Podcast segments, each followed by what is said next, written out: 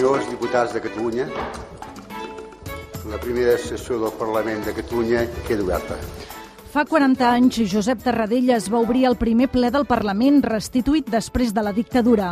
Amb motiu del 40è aniversari, avui entrevistem a l'hemicicle el president del Parlament, Roger Torrent. Roger Torrent, president del Parlament, gràcies per atendre l'entrevista de l'hemicicle de Catalunya Informació. Gràcies a vosaltres.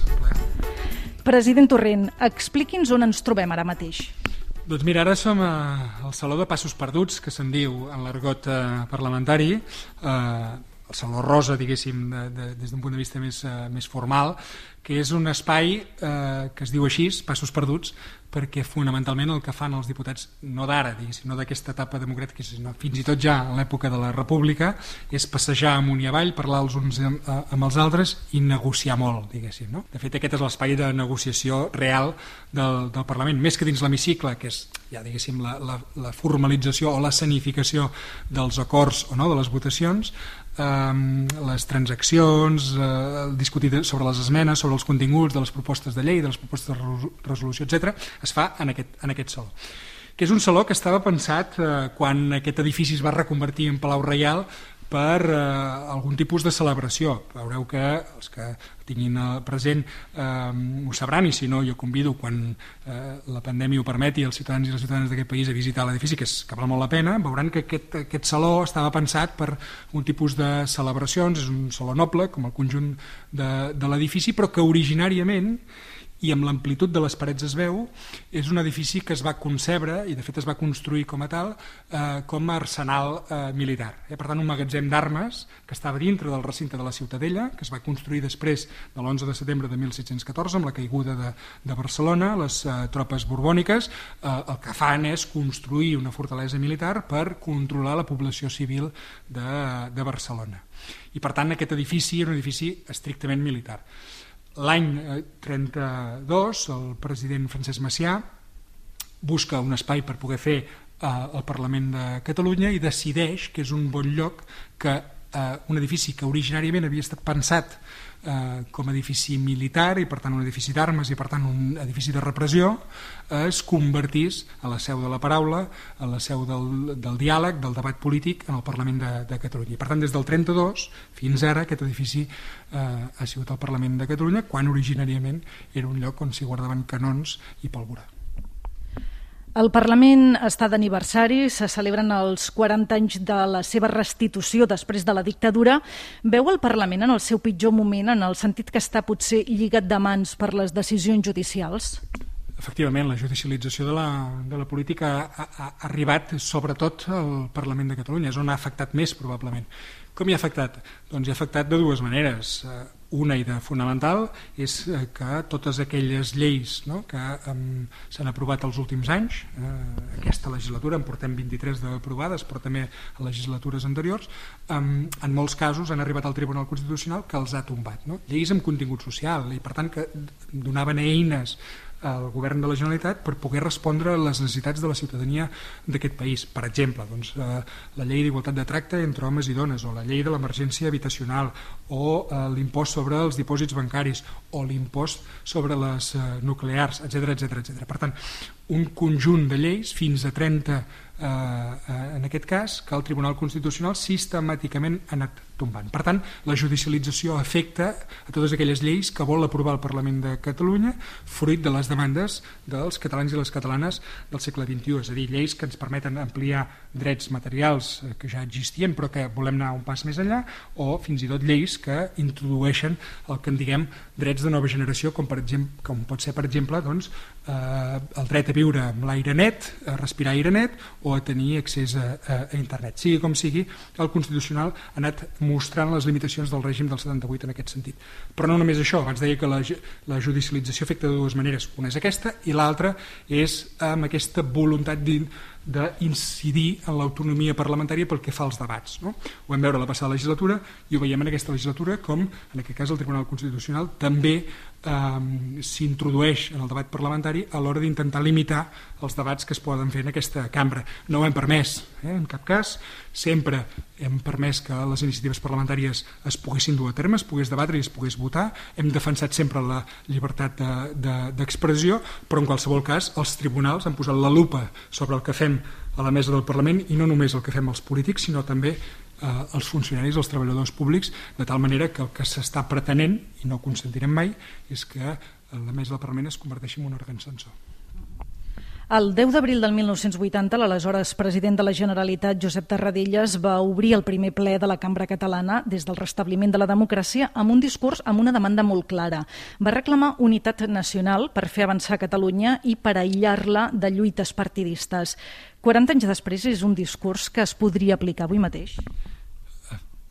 Jo crec que fins i tot amb més insistència eh, que l'any 80 eh, l'any 80 la política es feia amb uns condicionants, avui la fem eh, amb uns altres, crec que la crida a superar eh, les limitacions eh, partidistes, les lluites intestines, les batalles, les baralles entre determinats eh, sectors eh, continua sent vàlida, per tant aplicar, diríem, diguem així, sentit d'estat en totes les nostres decisions que prenem eh, en tant que representants de la ciutadania d'aquest país i per tant les paraules del president Tarradellas crec que són no només eh, igualment vàlides sinó fins i tot avui tenen més sentit que mai perquè precisament el que ens ha passat és que les noves formes de fer política, especialment associades no, al, al llenguatge al qual ens ha portat les xarxes socials, han generat eh, molta polarització, han generat eh, aquest establiment de, de bombolles que fa difícil no, que a vegades dialoguem prou eh, entre nosaltres, ha fet difícil allò que sempre reclama la presidenta Forcadell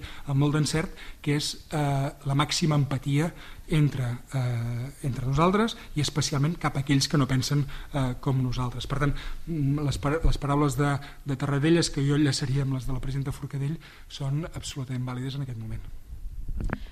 En aquests 40 anys hi ha una primera etapa molt clara en què el Parlament és, podríem dir-ho així, l'epicentre de la construcció nacional de Catalunya. Per exemple, s'aprova la llei de normalització lingüística, es crea la Corporació Catalana de Ràdio i Televisió o s'impulsa la llei de la Policia de la Generalitat, dels Mossos d'Esquadra. Podríem dir que l'aprovació de l'Estatut el 2005 és un punt d'inflexió? Efectivament, hi ha una primera etapa que és aquesta on es posen eh, els fonaments de l'arquitectura institucional d'aquest país, eh, en els quals ens permet desplegar, comentaves, eh, els Mossos d'Esquadra, mestres, eh, metges, és a dir, els elements fonamentals de la nostra vida en comú i de l'estat del benestar del qual eh, hem gaudit durant eh, quatre dècades, però és veritat que el 2010 es produeix un punt d'inflexió perquè és quan el Parlament de Catalunya decideix majoritàriament fer un pas més enllà, és a dir, havíem construït tot això, però volíem més, no, no com un capritx, no com una voluntat dels partits polítics, sinó per donar resposta a les noves necessitats que havien anat sorgint en el si de la societat catalana i topem de cop amb el mur del de, eh, règim del 78, amb el mur de l'estatus quo, amb el mur en aquest cas del Tribunal Constitucional que aniquila l'Estatut d'Autonomia del 2010, que és eh, del 2006, perdó, amb la sentència del 2010, que és aquesta voluntat de eh, nou encaix de Catalunya en el marc jurídic i en el marc polític de l'estat espanyol es produeix aquest punt de trencament i es produeix el que nosaltres anomenem una crisi de legitimitat, eh? que fa que, per exemple, en aquests moments eh, Catalunya sigui l'únic territori de l'Estat on se li aplica un estatut d'autonomia que no ha estat refrendat pels seus ciutadans. Per tant, el 2010 es produeix efectivament aquest salt i la visualització definitiva que mentre no superem el règim del 78 serà molt difícil que puguem respondre a les necessitats que té la Catalunya del segle XXI.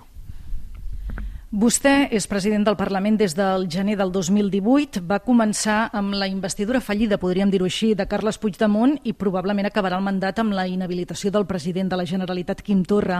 Com definiria el seu mandat? S'ha sentit còmode? No ha estat un mandat fàcil, gens fàcil. Eh? Ho sabíem, ho sabia d'entrada, Um, jo quan vaig dir que sí a ser president del Parlament ho vaig fer evidentment perquè és un, un orgull ser president del Parlament del teu país també perquè és una responsabilitat, però fonamentalment perquè considerava que no podia fer una altra cosa atès a les circumstàncies. Quines eren les circumstàncies? Doncs justament la repressió. Eh? La repressió que afectava el conjunt de l'independentisme, que afectava companys i companyes, que afectava amics i amigues, avui encara els, els efectes són a la presó o són a l'exili, per tant ja sabíem que seria un context extraordinàriament complex. I ha estat així, perquè aquesta repressió no ha parat, ha continuat al llarg de tots aquests mesos, de tota aquesta legislatura.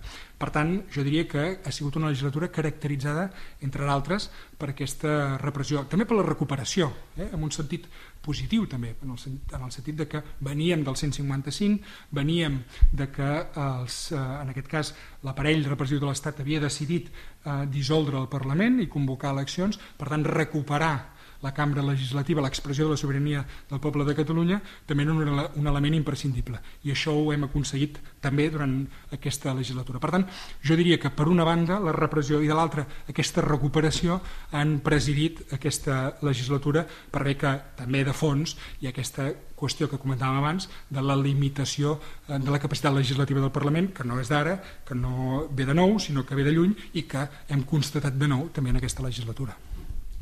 Sabem que des de fa temps la justícia es mira molt amb lupa tot el que es fa i es debat al Parlament.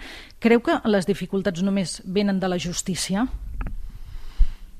Uh, bé, si venen dificultats per part de la justícia és perquè des de la política s'ha dimitit d'intentar resoldre el conflicte polític des de la política. I això és el que reclamem al govern espanyol, que sigui valent en aquest sentit que no centrifugui la responsabilitat cap als tribunals, cap als jutges, els conflictes polítics s'han de resoldre políticament, s'han de resoldre democràticament, i això vol dir que s'ha de negociar políticament.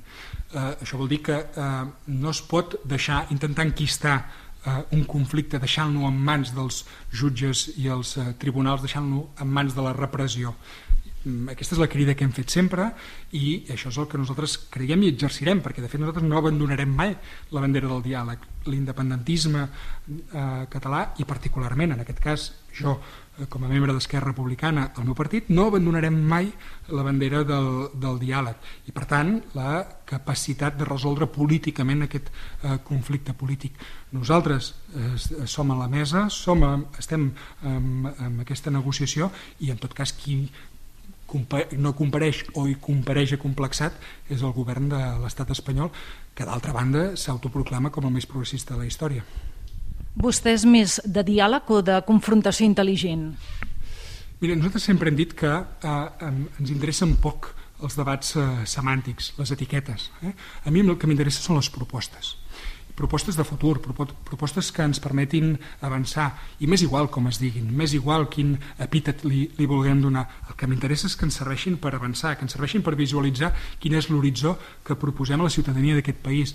Jo formo part d'una formació, Esquerra Republicana, que ha fet un exercici en aquest sentit molt interessant, un exercici que evidentment ha, ha estat eh, eh, complex, perquè vol dir posar en ordre totes les reflexions internes, avaluar el passat amb ànim constructiu, veure què hem après de l'octubre del 17, què hem après dels últims mesos, dels últims anys, per poder donar solucions que ens permetin arribar a aquest escenari que és el de la república, que és el, el de la independència d'aquest país, que és el que defensem eh, nosaltres, i més igual com en diguem de tot això. Eh? Quin, quins debats puguem fer terminològics al voltant d'això. Massa sovint l'independentisme ha caigut amb debats d'aquest tipus, no? que es queden amb la superfície i no aterren els continguts. I per mi és important que ho aterrem i que fem una proposta eh, concreta que ens permeti il·lusionar la ciutadania d'aquest país, explicar-los cap on anem i alhora marcar objectius molt concrets que siguin fàcilment identificables per part dels, electors, dels electors i les electores. Confia encara en la taula de diàleg entre els governs català i espanyol? Jo confio en la negociació eh? i nosaltres eh, sempre hem dit, des d'Esquerra Republicana, que la millor solució al conflicte polític és un referèndum acordat que és el que ens permet d'alguna manera guanyar legitimitat interna, tothom eh, respectaria els resultats i al mateix temps ens permet una, un reconeixement a nivell internacional, és a dir, un referèndum a l'estil escocès. Però no som ingenus, eh, no, ens, no, no fem política des d'una posició naïf, sabem que l'Estat, en aquest cas el govern de l'Estat, no acceptarà mai una solució d'aquest tipus de manera eh, proactiva, diguéssim, eh? per convicció, per devoció, sinó que ho farà forçat per les circumstàncies polítiques. Per tant, nosaltres el que hem de fer és reclamar aquesta solució i al mateix temps muscular-nos, preparar-nos, eh, enfortir-nos per poder forçar l'Estat a trobar aquesta solució, a fer que el referèndum que avui sembla impossible sigui el referèndum inevitable. Què vol dir això? Doncs vol dir que hem de reforçar les majories eh, socials, vol dir que hem de trobar eh, més xarxa a nivell internacional, més reconeixement a nivell internacional i vol dir que hem de governar bé. Eh? Aquests tres elements per nosaltres són essencials justament per poder, per poder vestir aquestes grans majories socials i polítiques que han de ser les que ens ajudin amb la seva mobilització a forçar l'Estat a trobar aquesta solució eh, de caràcter democràtic que és passar per les urnes i confrontar a veure quin és el futur que volen els catalans i les catalanes pel seu país. Diu que l'independentisme s'ha de muscular bé. Això vol dir que les forces independentistes haurien de superar el 50% dels vots en les pròximes eleccions? Sí, sí jo crec que és un objectiu eh, no només factible, sinó desitjable. Uh, és um, condició suficient? No, no vol dir que l'endemà de ser més del 50% siguem independents però al mateix temps també hem de dir que si no passem del 50% mai serem independents. Eh? Per tant, és un objectiu, insisteixo, que es pot donar, les últimes enquestes ens diuen que hi podem arribar i que al mateix temps a nivell eh, de full de serveis, de fulla de serveis, quan ens dirigim eh, a actors internacionals, institucions fora de les nostres fronteres, és un element que eh, d'alguna manera ens reclamen. Eh? Per activa o per passiva ens estan reclamant. Bé, si anem a més del 50%, evidentment tenim més força. Eh? I, no, i, no, I no crec que hi hagi cap independentista que digui que és millor ser el 47,7% que ser el 60%, eh? ni, ni que sigui millor el 48% que el 50 més 1% dels vots d'aquest país. Per tant, com que és un objectiu que segur, que és eh, consensuat i que hi estem d'acord tots els independentistes, val la pena que hi treballem. I per tant, que aïllem els dissensos, ens concentrem en els consensos i un pot ser, evidentment, superar el 50%. I en cas que l'independentisme superés el 50% en les pròximes eleccions, aleshores la via unilateral estaria més legitimada en cas que no fos possible el referèndum acordat? Què hem dit sempre nosaltres? Que la millor solució, torno a repetir, és el referèndum acordat eh? perquè et permet resoldre eh, moltes coses de cop, diguéssim. És l'instrument que genera més adhesió i més consens eh, al, seu, al seu voltant. I al mateix temps hem, sempre hem dit que nosaltres no abandonem cap via que sigui eh, pacífica, que sigui cívica i que sigui democràtica per aconseguir els nostres objectius. Eh? Per tant, eh, si en aquest camí per aconseguir aquesta mm, nova correlació de forces que permeti unes condicions objectives perquè es donin aquest referèndum s'han de produir diguéssim, aquesta mobilització eh, social no? que, hem de ser, eh, que hem de saber construir doncs eh, haurem de fer-ho però en qualsevol cas cada un dels passos que fem li diguem com li diguem, li posem l'etiqueta que li posem, ens ha de servir per avançar. Mm? Perquè en realitat la unilateralitat, com molt bé diu el vicepresident Aragonès, no la fa qui vol, sinó qui pot. Eh? I qui pot vol dir qui està prou fort per poder-la fer i qui està convençut de que fent-la genera un escenari millor que l'anterior. El que no podem fer és no calibrar cada una de les repercussions dels nostres, dels nostres actes, de les nostres decisions justament perquè la nostra responsabilitat és marcar una fita i caminar cap a aquella fita eh, i explicar-ho eh, honestament i amb tot el rigor del món a la ciutadania d'aquest eh, país que per altra banda eh, sap que el procés polític en el qual estem immersos no és un procés fàcil. Eh? Si finalment el president Torra és inhabilitat, quina hauria de ser la resposta de l'independentisme?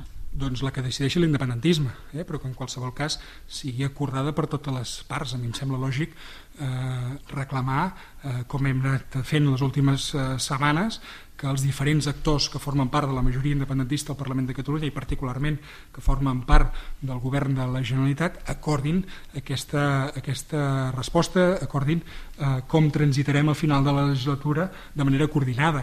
El que no ens podem permetre és eh, institucions eh, afablides per nosaltres mateixos, el que no ens podem permetre és que eh, els acords polítics que hi ha al capdavant de les institucions no estiguin eh, coordinats, no arribin a acords, no afrontin de manera conjunta aquesta vicisitud.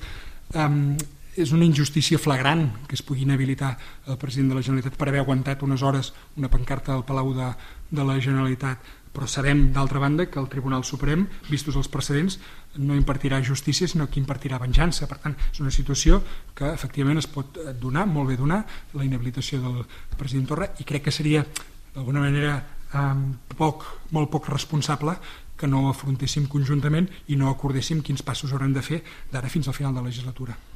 En cas d'inhabilitació, la CUP proposa que el president Torra segueixi l'anomenada via venturós, és a dir, que continuï assumint les funcions representatives, tot i que no tindria facultats administratives. La desobediència eh, porta alguna banda si no té efectes pràctics?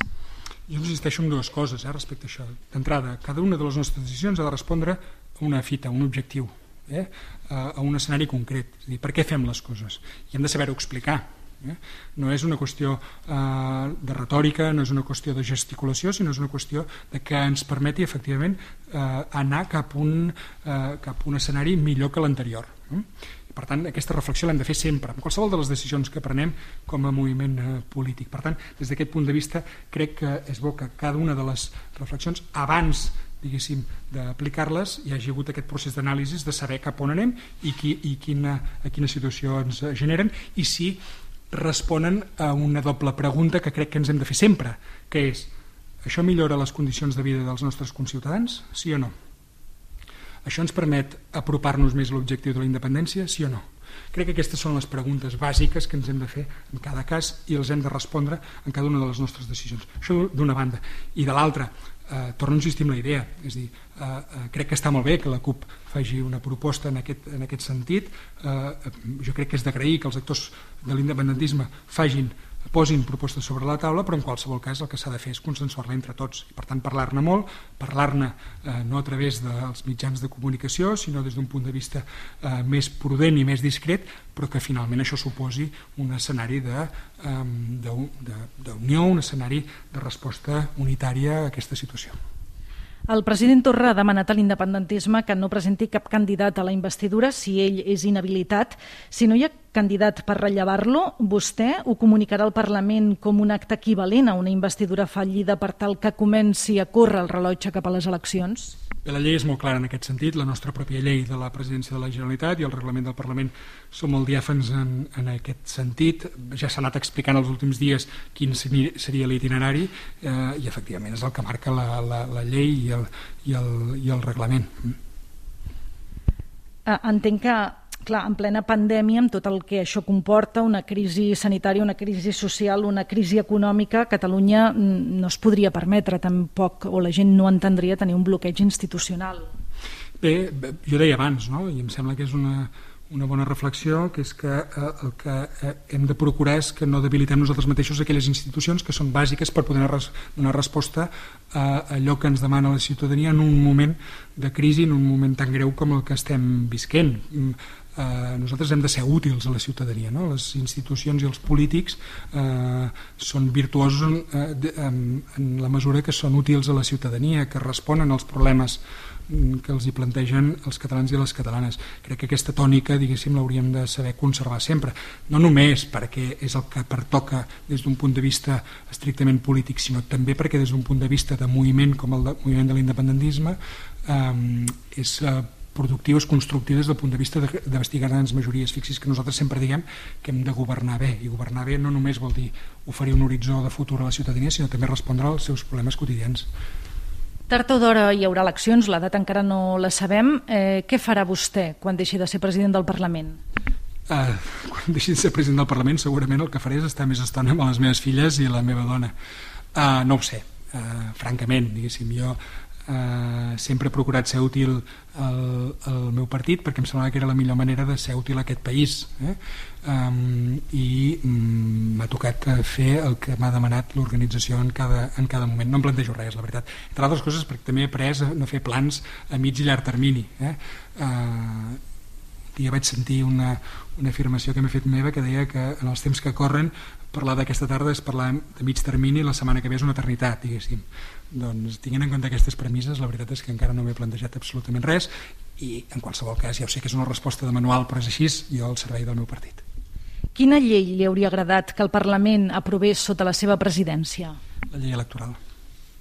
És un deute pendent durant molts anys d'aquest país i que eh, d'alguna manera mm, escenificaria un gran acord per donar-nos per dotar-nos d'una eina que d'una banda és una eina, una eina de sobirania no?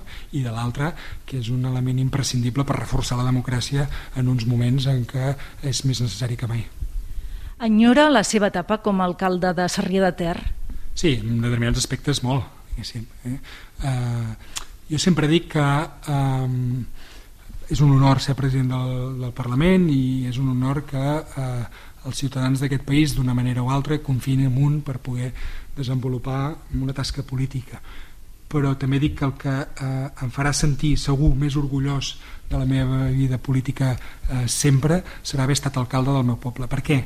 Perquè el meu poble és un poble de 5.000 habitants on encara ens coneixem tots i el fet de que confin en tu perquè comandis el seu ajuntament i a més a més durant els anys que ho van que ho vam, que ho vam voler i ho vam voler amb, amb grans majories és un orgull perquè allà on et coneixen si d'alguna manera confien en tu vol dir que hi confien molt no? perquè en altres eleccions doncs, el contacte entre el, el, el representant i el representat és purament a través dels mitjans de comunicació i per tant costa molt fer-se una idea de com és eh, aquella, aquella persona no? en un poble no, i per tant que et triïn malgrat que et coneguin molt doncs eh, significa eh, un missatge per mi molt potent, insisteixo el que em farà sentir més orgullós és haver estat alcalde del meu poble Ada i Elna, què li diuen aquests noms?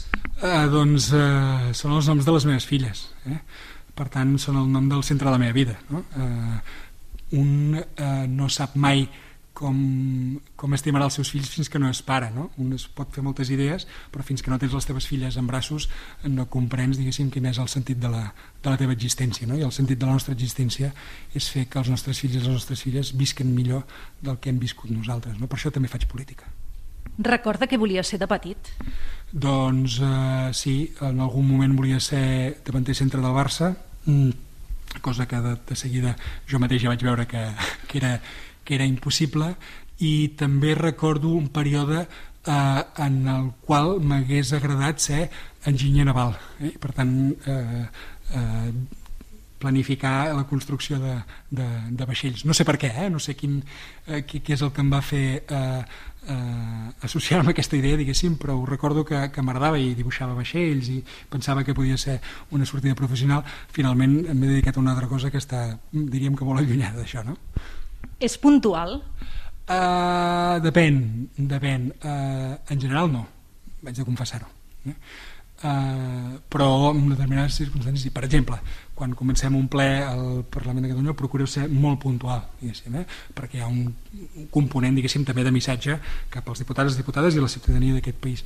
Però en la vida personal, en les qüestions que m'afecten més directament a mi, no tant, no, no soc tan puntual, haig de, haig de reconèixer-ho. Eh, digui'ns un defecte que sóc molt desordenat. I una virtut?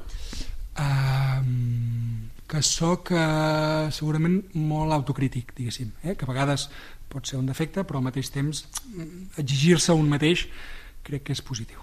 Dorma amb el telèfon mòbil a la tauleta de nit? Sí, sí, sí. I es planxa les camises? Sí, sí, sí. Recomani'ns un llibre. Um, doncs, uh, mira, uh, us recomanaré un dels darrers que, que he llegit, que és El bigoti de l'Emmanuel Carrer. És un escriptor francès que, que m'agrada molt, que té un llibre que m'entusiasma que es diu El regne i aquest és un dels seus, eh, dels seus llibres. En té uns quants i tots eh, són molt interessants. Eh, la literatura francesa dels últims anys m'apassiona i particularment recomano Manuel Carrer, El bigoti o qualsevol altre dels seus llibres. Fa mesos que ens ha tocat viure amb una pandèmia. Què n'ha après d'aquesta etapa? Doncs eh, segurament com tothom eh, ho hem reforçat o hem matisat el nostre ordre de prioritats no? eh, i segurament ens hem adonat de que les coses importants massa vegades les hem deixat en un segon pla no? I, i les hem apartat una mica de les nostres prioritats fins i tot de l'agenda política no? i això ha de canviar eh? i ha de canviar de manera estructural no n'hi ha prou amb ara fer algun pedaç per poder sortir de la situació crec que el que ens explica la pandèmia és la necessitat de repensar-nos globalment eh? I, i, i de manera molt intensa i de posar la vida, la vida al centre no? quan hem vist doncs, el patiment de la gent i quan hem eh, sortit sentit aplaudir el que feien els sanitaris, tota la gent que, que ens cuidava, crec que ens hem adonat de que hem de canviar el model, hem de canviar la manera eh, com entenem la comunitat i això passa evidentment també per prendre decisions polítiques eh, i per mm, sortir de la crisi des d'un punt de vista més humanista, des d'un punt de vista més d'esquerres, una solució que permeti que la crisi no la paguin sempre els mateixos i que canvi el paradigma perquè eh, en successives crisis o en altres moments de, de dificultat estiguem molt més preparats per, per afrontar-los des d'un punt de vista humà, des d'un punt de vista de relacions personals en el si de la comunitat, en aquest cas la comunitat de Catalunya. Eh, si hagués de posar una banda sonora a la Catalunya d'aquests temps, quina posaria?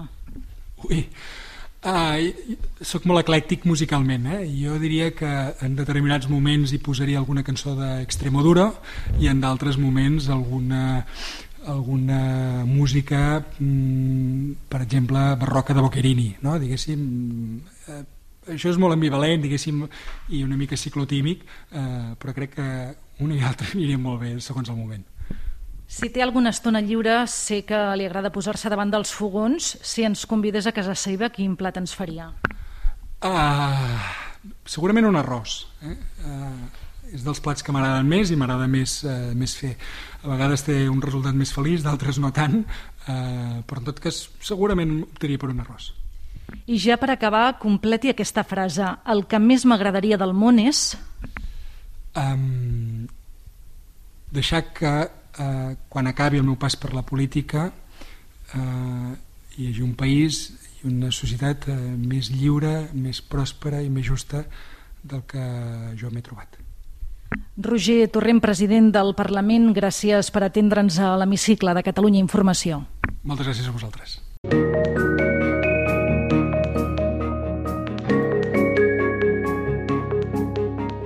tornar a escoltar l'hemicicle al web catradio.cat barra hemicicle o al podcast del programa i seguir l'actualitat del Parlament al perfil de Twitter arroba l-hemicicle. thank you